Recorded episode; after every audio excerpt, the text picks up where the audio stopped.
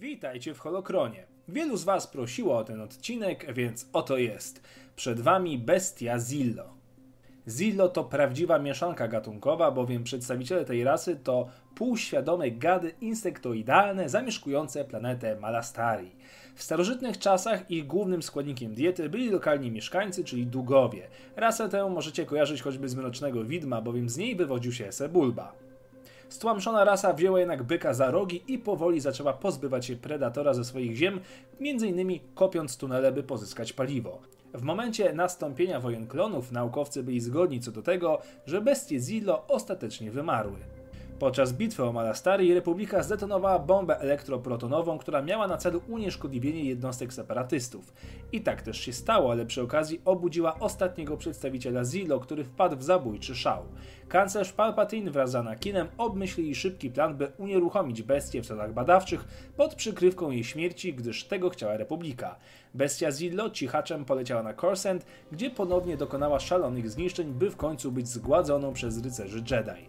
Palpatine, jak to miał w zwyczaju, zainteresował się sklonowaniem morderczej bestii. Słów parę o samej bestii właśnie. 97 metrów długości, wąskie, serpentynowe ciało z długim ogonem, z sześcioma kolcami oraz charakterystyczne, bardzo rzadko spotykane trzecie ramię wyrastające na grzbiecie. Do tego naturalny pancerz pokryty niekiedy kolcami, który wytrzymywał eksplozje, strzały blasterów, a niekiedy i uderzenia mieczy świetlnych. Słowem, żywy czołg.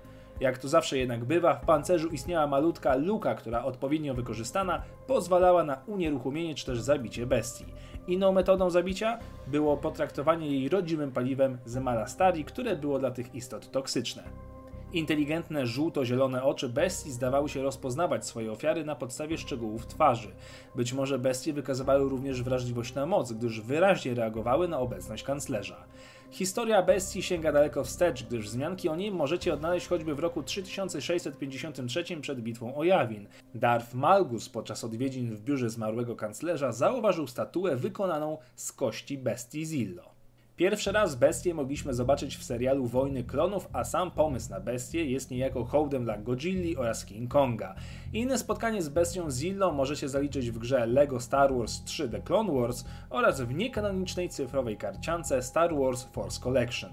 Dzięki za oglądanie, zostawcie suba, jeżeli chcecie więcej odcinków, łapka w górę oczywiście mile widziana, ale nie wymagana. Zobaczcie inne odcinki i niech moc będzie z Wami.